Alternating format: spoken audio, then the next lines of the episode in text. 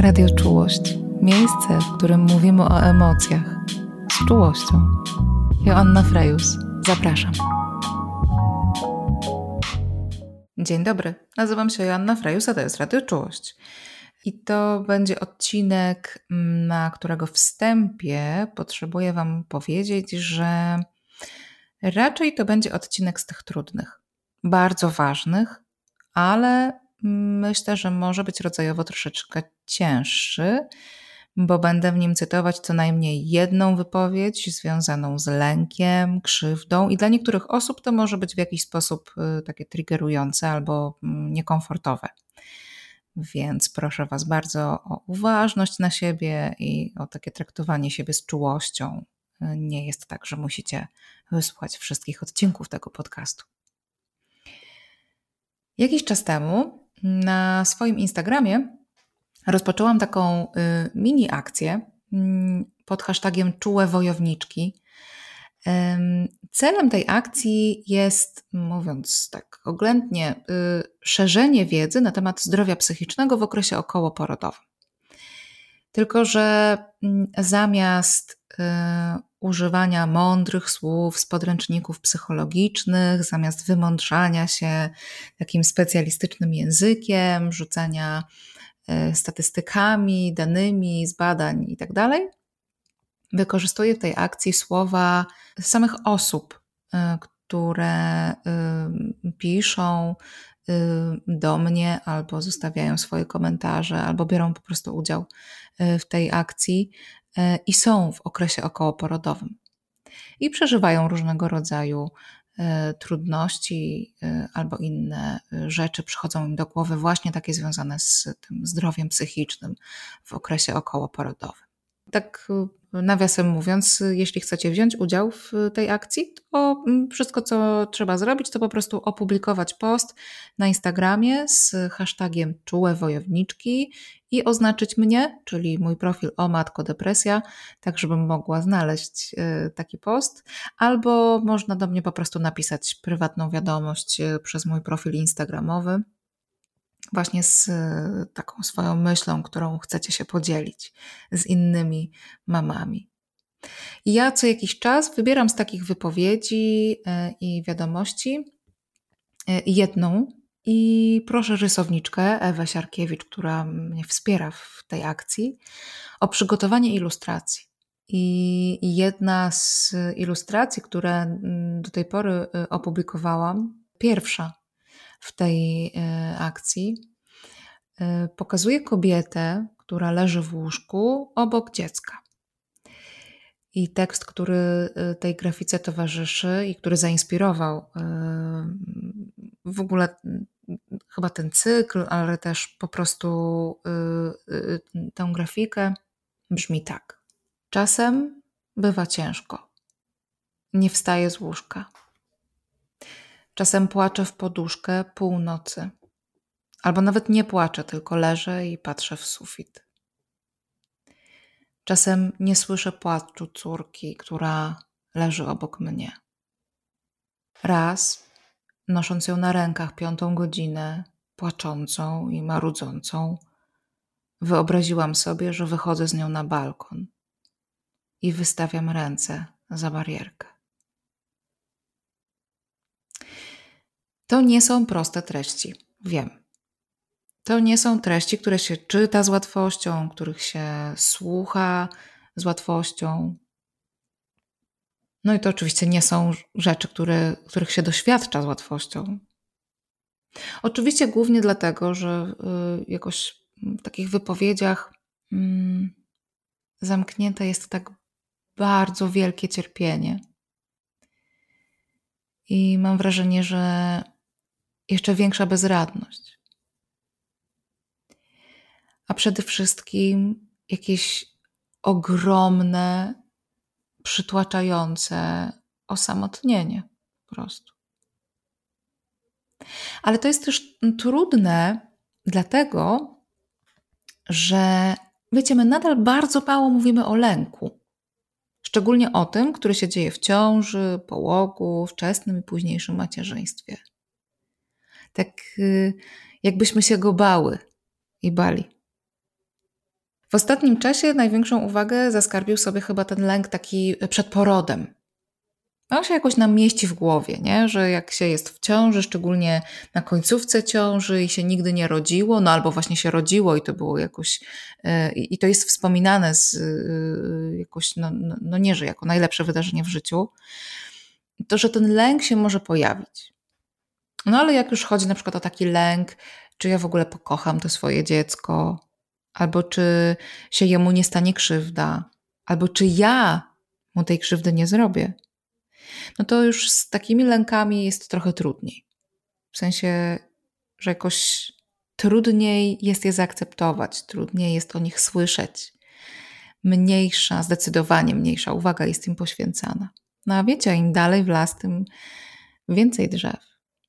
Depresja poporodowa, mm, jakby mam wrażenie, też ma od jakiegoś czasu y, taki y, lepszy PR. No, no wiecie, mówi się o niej jednak coraz więcej. Coraz więcej specjalistów i specjalistek się wypowiada na tematy związane z takimi zaburzeniami nastroju, które się y, pojawiają w tym okresie okołoporodowym. Już nawet y, zaczyna się mówić o depresji okołoporodowej, nie tylko poporodowej, więc gratulacje. Kobiety w ciąży też zyskały prawo do przeżywania y, jakiegoś obniżenia nastroju, może nawet depresji. I mm, też sporo osób jakoś znanych mówi o swoim doświadczeniu depresji, również tej takiej okołoporodowej, poporodowej. No i też my same. Zauważcie, że w mediach społecznościowych, y, a przynajmniej w tej bańce, w której ja się znajduję, zaczynamy jakoś tak powoli, y, ale dość y, mm, konsekwentnie włączać ten smutek, uznawać to jego, no bądź co bądź, prawowite jednak miejsce w tym obrazie zwanym macierzyństwem. Tymczasem o lęku jako takim jednak nadal się mówi niewiele. Mm, jak zostajemy matkami albo po prostu rodzicami, to y, mam wrażenie, że mm, nie do końca wiemy, jakie formy ten lęk przybiera.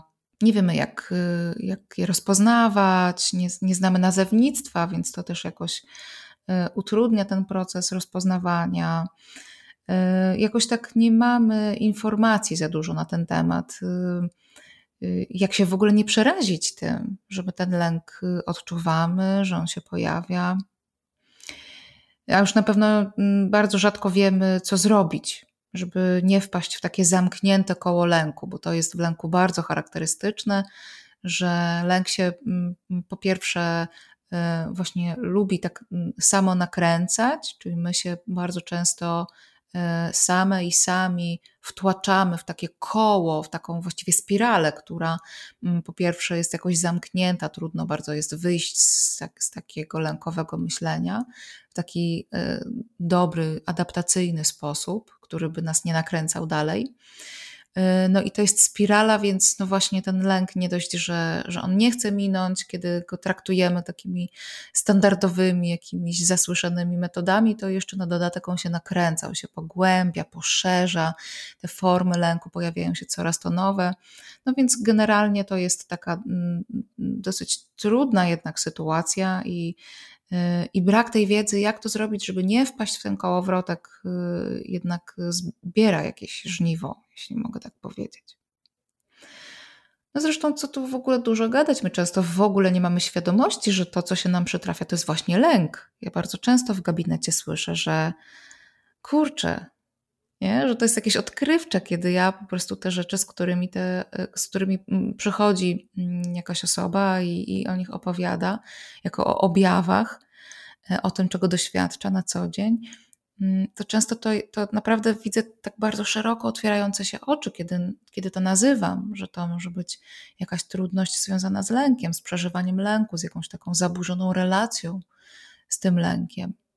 No i mnie to przecież zupełnie nie dziwi, bo skąd my właściwie mamy wiedzieć cokolwiek o tym lęku, o tym, co to znaczy doświadczać lęku w adaptacyjny sposób, albo o tym, co to znaczy zaburzenie lękowe, co to znaczy mieć zaburzoną re relację z lękiem. Skąd my mamy wiedzieć, jak reagować, kiedy ten lęk się pojawia, kiedy w ogóle reagować trzeba, kiedy jest taka potrzeba, a kiedy, a kiedy nie. W ostatnim odcinku, zdaje się, odpowiadałam Wam o tym, jak bardzo trudno jest y, w ogóle usłyszeć coś na temat smutku takich instytucjach, które mają nas przygotowywać do, no właśnie, do, do całego tego zamieszania związanego z porodem, połogiem. że trudno jest znaleźć takie pełne, wartościowe treści na temat tego, y, no właśnie, smutku, którego się doświadcza. Przecież wiemy o tym. Nie? Wiemy o tym, że ten baby blues w 80% przypadków, czyli u 8 na 10 e, osób, które właśnie urodziły dziecko, no to on się jednak w którymś momencie przypałęta, że on się jednak w którymś momencie pojawi. Mimo to trudno jest usłyszeć taki dobry zestaw informacji, rzetelny, e, na temat tego, jak sobie radzić w takiej sytuacji w, właśnie w tych wszystkich instytucjach, które, które nas otaczają, od tych wszystkich osób, specjalistów, specjalistek też, e, które, z którymi się spotykamy przecież w trakcie ciąży i połogu wielokrotnie. Więc jak sobie pomyślę o tym, że te osoby miałyby jeszcze zaopiekowywać też temat lęku, temat tak bardzo złożony i taki naprawdę wymagający jednak specjalistycznej wiedzy, bardzo indywidualnego podejścia, to ja się wcale nie dziwię, że ten temat się mm, jakoś albo nie pojawia, albo się pojawia w taki sposób bardzo szczątkowy. Bo on jest po prostu trudny.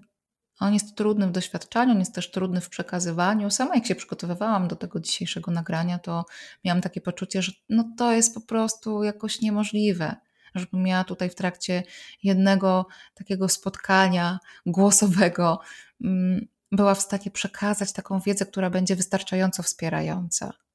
Jak ostatnio zrobiłam webinar na temat lęku w macierzyństwie, to on trwał dwie godziny i skończył się tylko dlatego, że mi platforma webinarowa rozłączyła połączenie, bo wiecie, tam jest taki limit, że dwie godziny maks.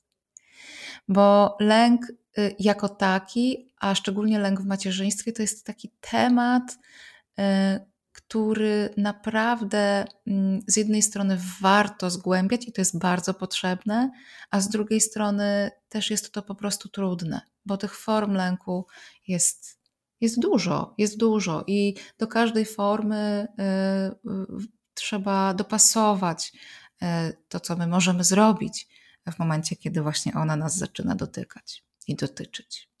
A dlaczego to jest tak ważne, żeby o tym mówić? No bo Widzicie, badacze mm, coraz głośniej mówią o tym, że lęku jako takiego doświadczają wszystkie, wszystkie mamy i przyszłe mamy oraz znakomita większość ojców i osób partnerskich.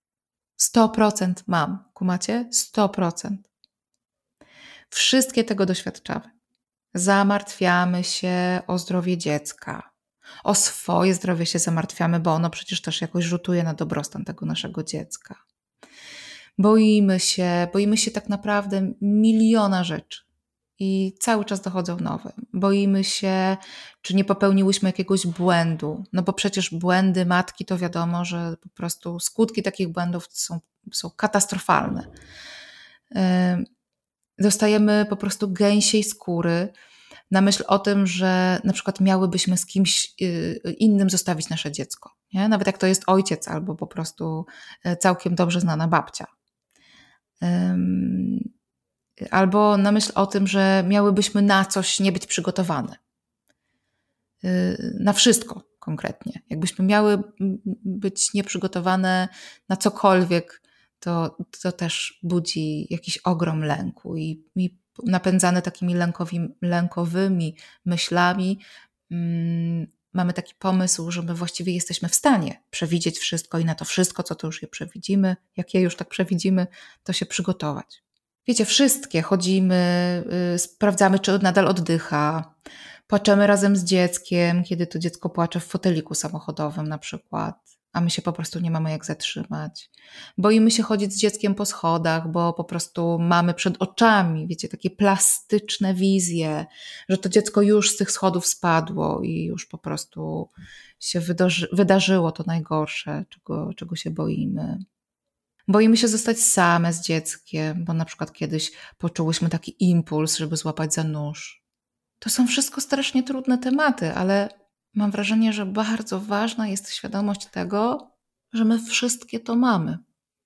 Wiecie, może nie wszystko naraz, Tak? Każda z nas z tego repertuaru um, wybiera, czy dostaje coś najlepiej do niej dopasowanego, mam wrażenie. Albo, no ale w każdym razie wszystkie przeżywamy jakiś lęk w jakiejś jego formie.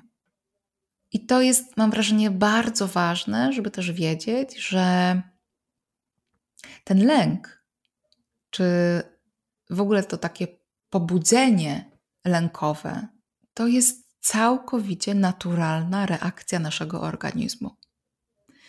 Na tę zupełnie nową, no i przecież taką potencjalnie jednak trudną dla nas sytuację nie? jaką jest y, dowiedzenie się o tym, że jesteśmy w ciąży, jak, y, sytuacja, jaką jest poród, na przykład, jeśli nigdy wcześniej nie rodziłyśmy, y, albo sytuację, no, jaką jest po prostu wylądowanie w, w domu z zupełnie nowym, nieznanym nam dzieckiem. Kiedy no, niekoniecznie mamy o sobie takie przekonanie, że jesteśmy tak na 100% kompetentne i na bank to ogarniemy.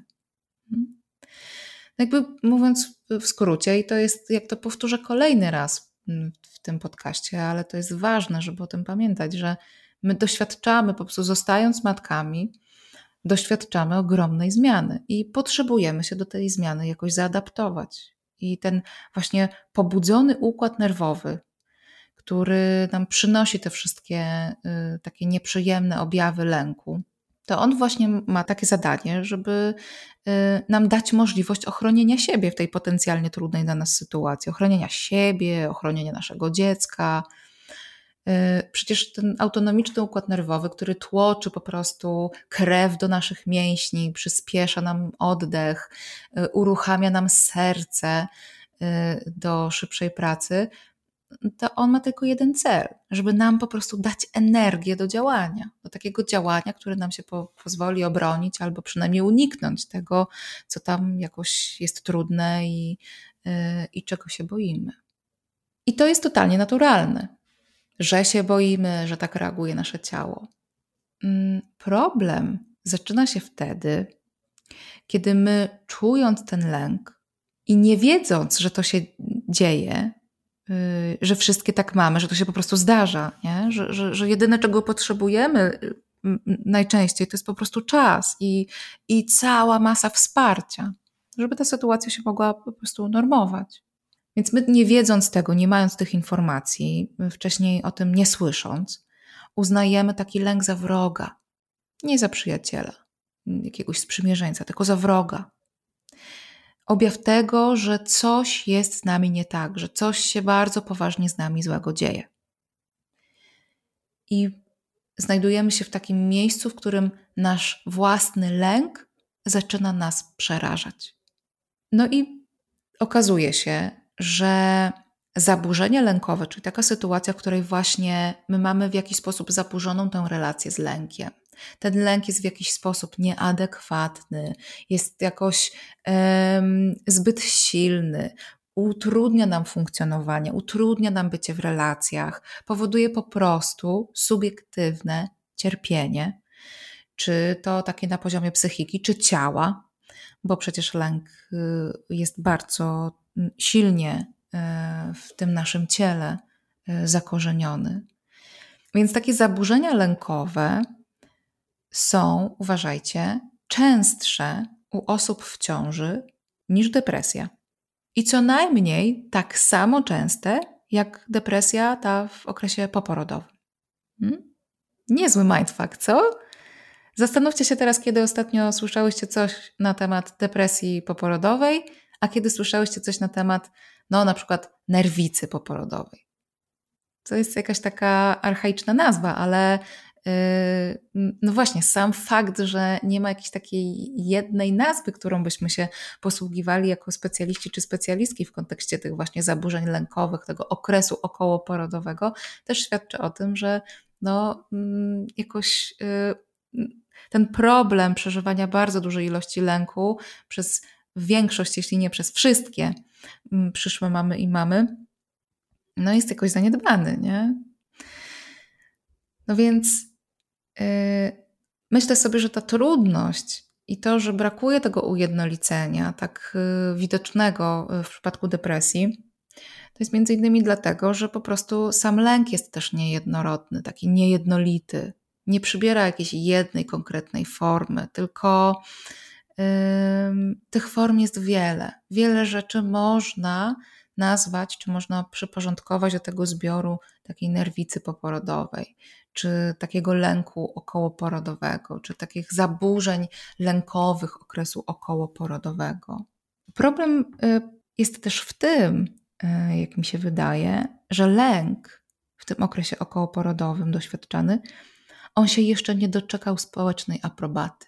Nie? Tak jak depresja y, już jakoś wchodzi na salony, można powiedzieć, to o lęku w tym okołoporodowym słyszymy dużo mniej. I w związku z tym o wiele rzadziej się zgłaszamy z takimi objawami lękowymi do gabinetów psychoterapeutycznych yy, czy psychiatrycznych. No i niestety skutkuje to tym, że my po prostu trwamy latami w takich zaburzeniach lękowych. A tak jak powiedziałam Wam przed chwilą, to niestety mm, skutkuje tym, że te trudności związane z lękiem się nasilają, że, że utrudniają nam życie coraz bardziej, że coraz więcej czasu nam mija na takim właśnie lękowym funkcjonowaniu. No i tak sobie pomyślałam, że właśnie dlatego, żeby wypełnić jakoś tę lukę, e, przynajmniej w taki sposób, jaki jest dla mnie na dziś dostępny, mm, to opowiem Wam w ramach tego dzisiejszego podcastu o takich najczęstszych formach zaburzeń lękowych, których doświadczają właśnie e, mamy, mamy, przyszłe mamy. Pierwszą formą lęku, który mm, przytrafia się nam bardzo często, to jest taki lęk uogólniony, tak zwany GAD, zespół lęku uogólnionego. Najważniejszą cechą tego zaburzenia lękowego, tej trudności, jest to, że my się zamartwiamy. I tutaj od razu uwaga, trzeba nam rozróżnić, tak jak rozróżniamy emocje lęku od zaburzenia lękowego, tak samo potrzebujemy rozróżnić zamartwianie się od martwienia się. Mhm. Martwienie się to jest taka rzecz, którą robimy wszyscy i wszystkie. Każda osoba w jakimś momencie swojego życia, w jakimś momencie swojego dnia, tygodnia, miesiąca, no, zdarza nam się po prostu martwić. Tak? Przychodzą nam do głowy jakieś takie myśli, które można nazwać zmartwieniami. Natomiast zamartwianie się to już jest taka naprawdę rozbuchana forma martwienia się, taka, która, o której my przynajmniej mamy, mm, co do której mamy takie poczucie, że, o, że to jest jakieś takie martwienie się, które nam się wymknęło spod kontroli, że po prostu jakoś to zamartwianie się nas pochłania. I oczywiście pochłania nas w takiej formie czasowej, bo często osoby, które się oddają takiemu zamartwianiu się, czy które wpadają po prostu w taką studnię zamartwiania się, no to mm, poświęcają na to mm, dużo czasu w ciągu dnia. Czasami zupełnie nie zdając sobie z tego sprawy, oczywiście. Ale to jest też taka czynność, która jest też bardzo energożerna, że to jest też ten zasób, który ona nam jakoś pochłania. Mam wrażenie, że u mam, y, szczególnie małych dzieci, bardzo dużo jest y, takich treści zamartwiania się, które dotyczą kwestii zdrowia. Zdrowia dziecka, zdrowia mnie jako matki, zdrowia męża, nie? zdrowia i życia, że to jest jakaś taka treść, która się, mam wrażenie, najczęściej przewija w gabinecie. Ale oczywiście treści zamartwiania się mogą być przeróżne. Po prostu, jak się tak dobrze y, zasadzimy, to się można y, zamartwiać absolutnie wszystkim, tak? Że pogoda będzie nie taka i że nie będziemy miały tam wystarczającej ilości ciuchów, żeby, żeby zapobiec tam, nie wiem, hipotermii u dziecka, że mm, y, tam, że, że jakoś jest mnie za dużo w tym życiu dziecka, że mnie jest za mało w życiu dziecka, że ono się jakoś, że to mleko to nie takie, że ten posiłek to nie tak zbilansowany, że nie takie i, i tak dalej, i tak dalej, to zamartwianie się to jest właśnie y, jak oglądanie filmów na YouTubie, że my w to wpadamy i po prostu kolejny, i kolejny, i kolejny, i kolejny, i właśnie tak jest też z zamartwianiem się. trudno z niego jest wyjść po prostu. I jeszcze na dodatek tam się nam w którymś momencie tworzy taka, y, taki dodatkowy poziom martwienia się, że my się w którymś momencie zaczynamy martwić tym martwieniem. Nie? Że no już po prostu jak ja się nie przestanę martwić, to na bank zwariuję po prostu. To martwienie się mnie wykończy. Albo no, to martwienie się jakoś negatywnie wpływa na przykład na moje dziecko. Hmm? Czyli my funkcjonujemy w tym takim uogólnionym lęku y, z takim ciągłym niepokojem. On nie jest jakiś hiper, wiecie, taki bardzo mm, silny. Ta, jakoś ta amplituda tego lęku nie jest jakaś bardzo nasilona. Ten niepokój, mówimy o nim, że on się sączy, ale wiecie, jest z nami przez cały czas i powoduje trudności z zasypianiem, trudności z koncentracją uwagi, jakieś trudności z zapamiętywaniem, takie podirytowanie, przemęczenie, ogromne zmęczenie, no bo tak jak powiedziałam, no po prostu bycie w takim zamartwianiu się, w takim ciągu zamartwiania się po prostu nam zżera bardzo dużo energii. I siłą rzeczy czujemy się zmęczone i pojawia się też takie podirytowanie. To, co jest też bardzo takie charakterystyczne dla takiego lęku uogólnionego, to jest napięcie mięśniowe takie wzmożone, że jakby czujemy i czasami nie wiemy skąd, nie? że boli nas kręgosłup, plecy konkretnie, y, stawy, takie, y, że zaciskamy szczękę, budzimy się rano i boli nas żuchwa. Takie wszystkie takie duże partie mięśniowe y, się w takim lęku uogólnionym napinają i potem jak idziemy do fizjoterapeuty to, albo fizjoterapeutki, to słyszymy, że o, tutaj taki, taki betonowe są te mięśnie. Mm. Ok, to tyle, y, jeśli chodzi o ten y, lęk uogólniony. Y, drugą formą lęku, o której chcę Wam powiedzieć, i to jest dla mnie ważne, żeby o niej powiedzieć, również dlatego, że rzadko kiedy my mamy świadomość, że te objawy to są objawy lęku. To są też takie rzeczy, które są bardzo trudne w doświadczaniu przez mamy, i chodzi mi konkretnie o natrętne myśli, natrętne obrazy albo takie impulsy. Natrętne, czyli niechciane, intruzywne, takie, które mm, właśnie mamy co do nich wrażenie, że one są poza naszą kontrolą, pojawiają się, kiedy my ich nie chcemy, niezależnie od naszej woli i są y, zupełnie, zupełnie niezgodne z nami. Egodystoniczne, my mówimy w psychoterapii czyli takie, no po prostu, jak to jest możliwe, że ja to pomyślałam? Kto po prostu ma tego typu myśli? Najczęściej to są y, takie myśli, albo obrazy, albo właśnie impulsy, czyli taka chęć po prostu nagła zrobienia czegoś. Y, one się najczęściej w takich trzech y, kategoriach mieszczą, że to są takie obawy czy takie myśli o zarażeniu, zarażeniu się, zarażeniu dziecka, zakażeniu czymś. To są też obawy y, przed skrzywdzeniem, nie? że właśnie to jest ten przykład z chodzeniem po schodach, że, że po prostu ja już widzę, jak to moje dziecko upadło i mu się coś strasznego stało. Y, y, czyli takie obawy przed tym, że temu mojemu dziecku się stanie krzywda, albo że ktoś je skrzywdzi nie? Y, że przychodzą mi takie myśli do głowy, że tam ktoś moje dziecko mógłby skrzywdzić. Ale uwaga, tutaj są też takie myśli, mogą być takie myśli y, o tym, że to ja mogę to moje dziecko skrzywdzić, że ja byłabym do tego zdolna. Hmm? To mogą być takie właśnie impulsy, żeby, nie wiem, uciszyć dziecko poduszką, tak? I trzecia kategoria, która też jest bardzo trudna w doświadczaniu, kiedy nam się takie natrętne myśli pojawiają, mm, to bardzo często lądujemy już w gabinetach, żeby sprawdzić, czy ze mną, a na pewno jest wszystko w porządku. To jest taka kategoria myśli na tle seksualnym. Nie? Czy ja bym mogła zgwałcić dziecko? Dlaczego ja patrzę na, nie wiem, jego penisa? Tak? Szczególnie w takich sytuacjach, nie wiem, na przykład kąpieli, przebierania, tak?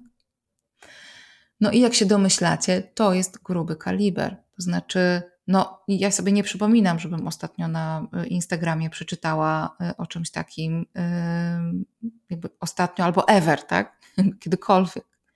Dlatego też, kiedy opublikowałam swój post, mm, ten z ilustracją w ramach kampanii Czułe Wojowniczki, on wywołał tak duże poruszenie, tak bardzo wiele wiadomości i mnóstwo komentarzy, które się pojawiły pod tym postem.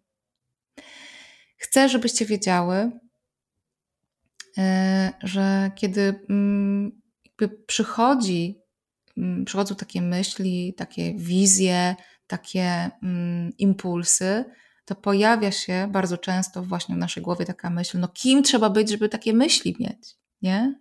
Że jak, jak to? Kim trzeba być? No więc odpowiedź na to pytanie brzmi, że wystarczy być matką albo ojcem. Bo y, chcę Wam powiedzieć bardzo wyraźnie, że badania y, i statystyki pokazują nam, że 88% w ogóle ludzi doświadcza y, natrętnych myśli.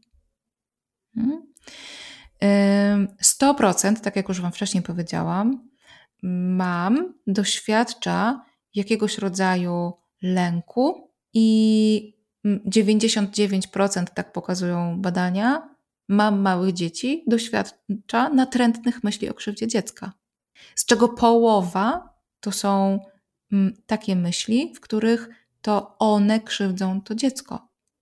Rozumiecie, że jakby e, w kontekście tych danych stwierdzenie, że no nie jesteś sama, jeśli tego doświadczasz, to nie jesteś sama, no nabiera naprawdę silnego znaczenia. Ok, jeśli mówimy o natrętnych myślach, to mm, potrzebuję też tutaj e, Wam powiedzieć, że za natrętnymi myślami mogą iść też czynności natrętne, a więc takie czynności, które my powtarzamy po to, żeby uniknąć, uniknąć tych natrętnych myśli, ale też po prostu lęku jako takiego. I to jest bardzo duży wachlarz zachowań. To może być mycie rąk, to może być czyszczenie powierzchni, wyparzanie wszystkiego, co, co, co miałoby być dotknięte przez dziecko, ale też ciągłe sprawdzanie, czy ono oddycha, czy tam się mu nic nie dzieje, czy ma dobrze y, zapięte, nie wiem, pasy, czy, y, tak? czy cały czas sprawdzanie. Czasami to są też takie czynności mentalne, my je tak nazywamy, czyli takie, które E, odbywają się tylko w naszej głowie. Czyli, że na przykład ja muszę policzyć do iluś tam, e, tak, żeby to coś złego, czego ja się obawiam, się nie wydarzyło, albo powtórzyć jakieś konkretne słowa w jakiejś, nie wiem, konkretnej formie. Na przykład modlitwa, nie? Y, taka, którą ja koniecznie muszę odmówić w tym momencie właśnie, żeby tam się nie wydarzyło coś bardzo strasznego, czego ja się boję, też może być taką czynnością natrętną. Mhm. I oczywiście te y, czynności będą przynosić chwilowe uczucie ulgi, i to jest cała właśnie całe niebezpieczeństwo, że one przynoszą jakiegoś rodzaju ulgę, no ale niestety ta ulga jest chwilowa, a później y, to, że my zastosowałyśmy taką czynność, będzie wpływać tylko na to, że będziemy mm, myślały o tym, że to jest po prostu konieczne. Tak? Będziemy czuły przymus mm, wykonywania takiej czynności. Inną formą, też bardzo często zdarzającą się u y, mam małych dzieci, są ataki paniki.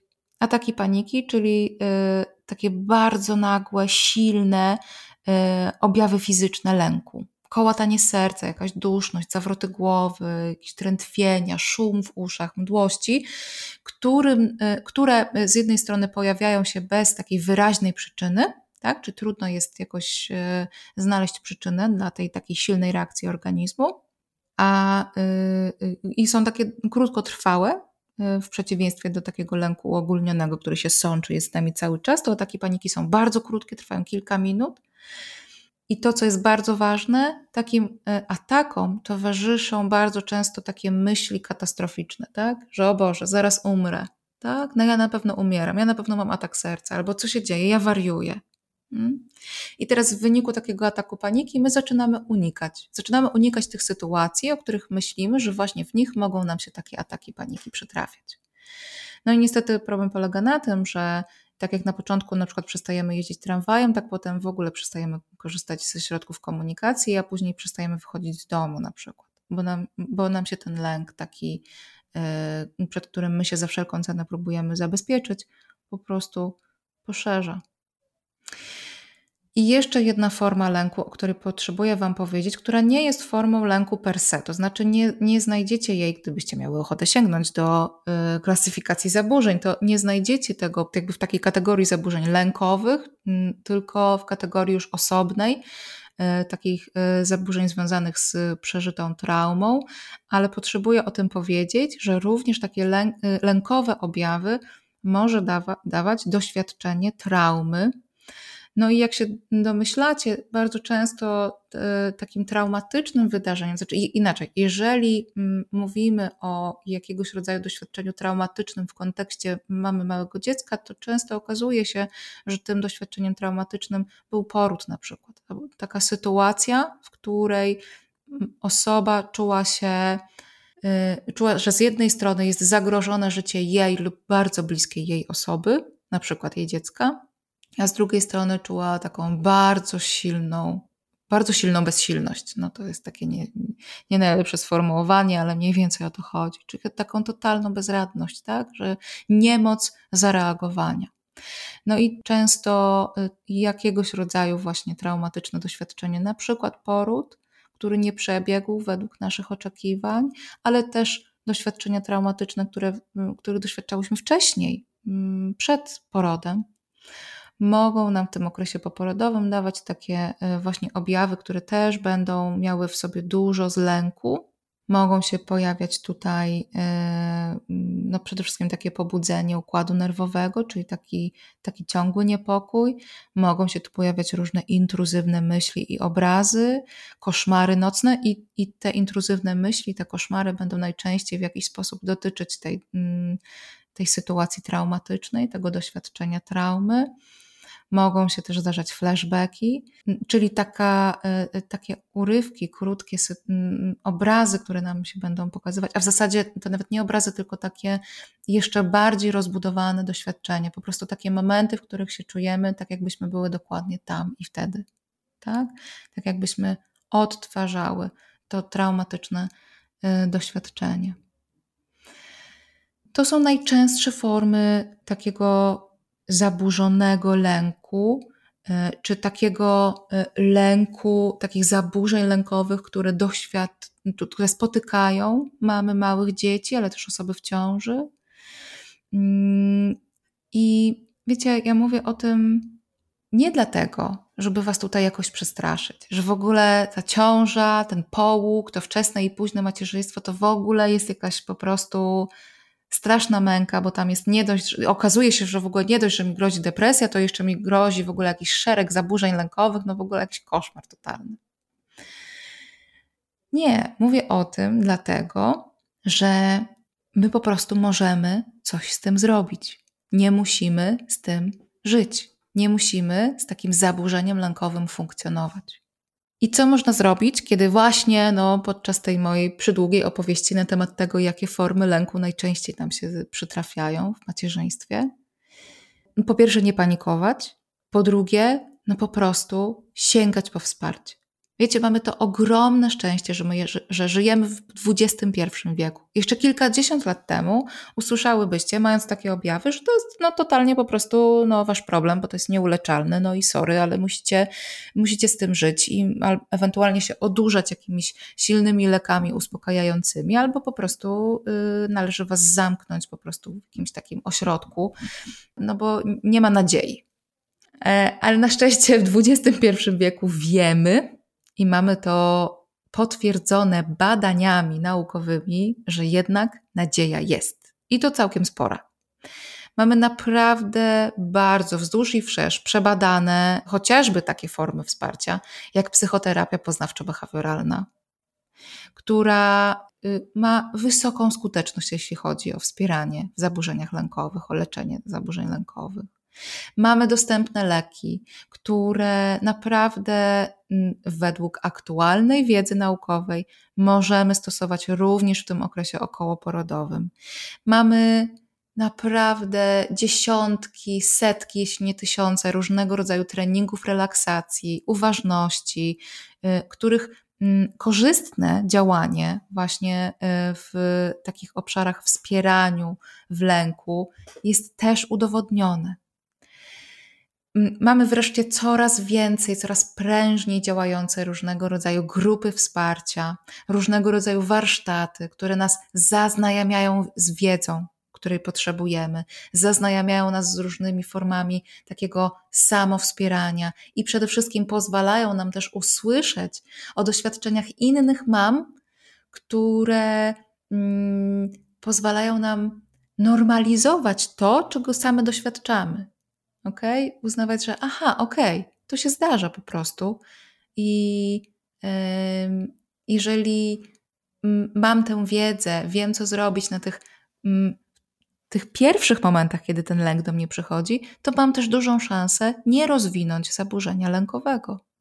Chcę, żebyście usłyszały, że naprawdę warto działać, warto się mierzyć z tym swoim lękiem. No i ja oczywiście wiem, że to jest strasznie trudne. Wiem, bo tam byłam. Wiem, że to jest najprawdopodobniej ostatnia rzecz, y, na którą się ma ochotę y, w, w ciąży, w połogu, we wczesnym macierzyństwie, żeby się po prostu spotykać z tym własnym lękiem. Że dużo łatwiej przychodzi nam jednak unikanie tego lęku. Y, dużo prościej jest zastosować jakąś taką rzecz, która po prostu odwróci naszą uwagę od tych objawów. Na krótko, na krótko, ale jednak jakąś ulgę przyniesie. Tylko wiecie co? Jak już się na to spotkanie z tym swoim lękiem zdecydujemy, to bardzo często, a mówię to i z własnego doświadczenia, ale też z doświadczenia moich klientek gabinetowych, tak zwanych, bardzo często okazuje się, że ten lęk, to wiecie, on wcale taki straszny nie jest. Że nawet można z nim żyć. Że jak mu się zrobi miejsce i się zaakceptuje, że on tam sobie po prostu jest, e, jak się o siebie odpowiednio zatroszczy, o, o ten lęk, o siebie w tym lęku, to się okazuje, że naprawdę, naprawdę, po pierwsze, z zaburzeniami lękowymi da się coś zrobić, a z lękiem jako takim po prostu da się całkiem nieźle żyć. I że to wcale nie musi być życie w cieniu tego lęku. Bardzo serdecznie Was zachęcam do tego, żeby się z tym swoim lękiem, czy tym naturalnym, czy tym zaburzonym, spotykać, żeby sięgać po wsparcie w tych spotkaniach, jeżeli czujecie, że samodzielne spotkanie z lękiem to, to nie jest coś dla Was na tym etapie. Bardzo Was zachęcam do tego, żeby o tym lęku rozmawiać, żeby się z nim oswajać mm, i żeby w nim, w tej zaburzonej jego wersji, nie osiadać, bo naprawdę jest bardzo wiele rzeczy, które możemy dla siebie w tym kontekście zrobić żeby nam się żyło lepiej i osobom w naszym otoczeniu też, żeby było lepiej. Ale nam przede wszystkim. I tego Wam życzę. Dużo czułości. Do usłyszenia. To było Radio Czułość. Jeśli chcesz więcej, zajrzyj na mój profil na Instagramie o Matko Depresja albo na mojego bloga pod adresem www.joannafrejus.pl. Do usłyszenia.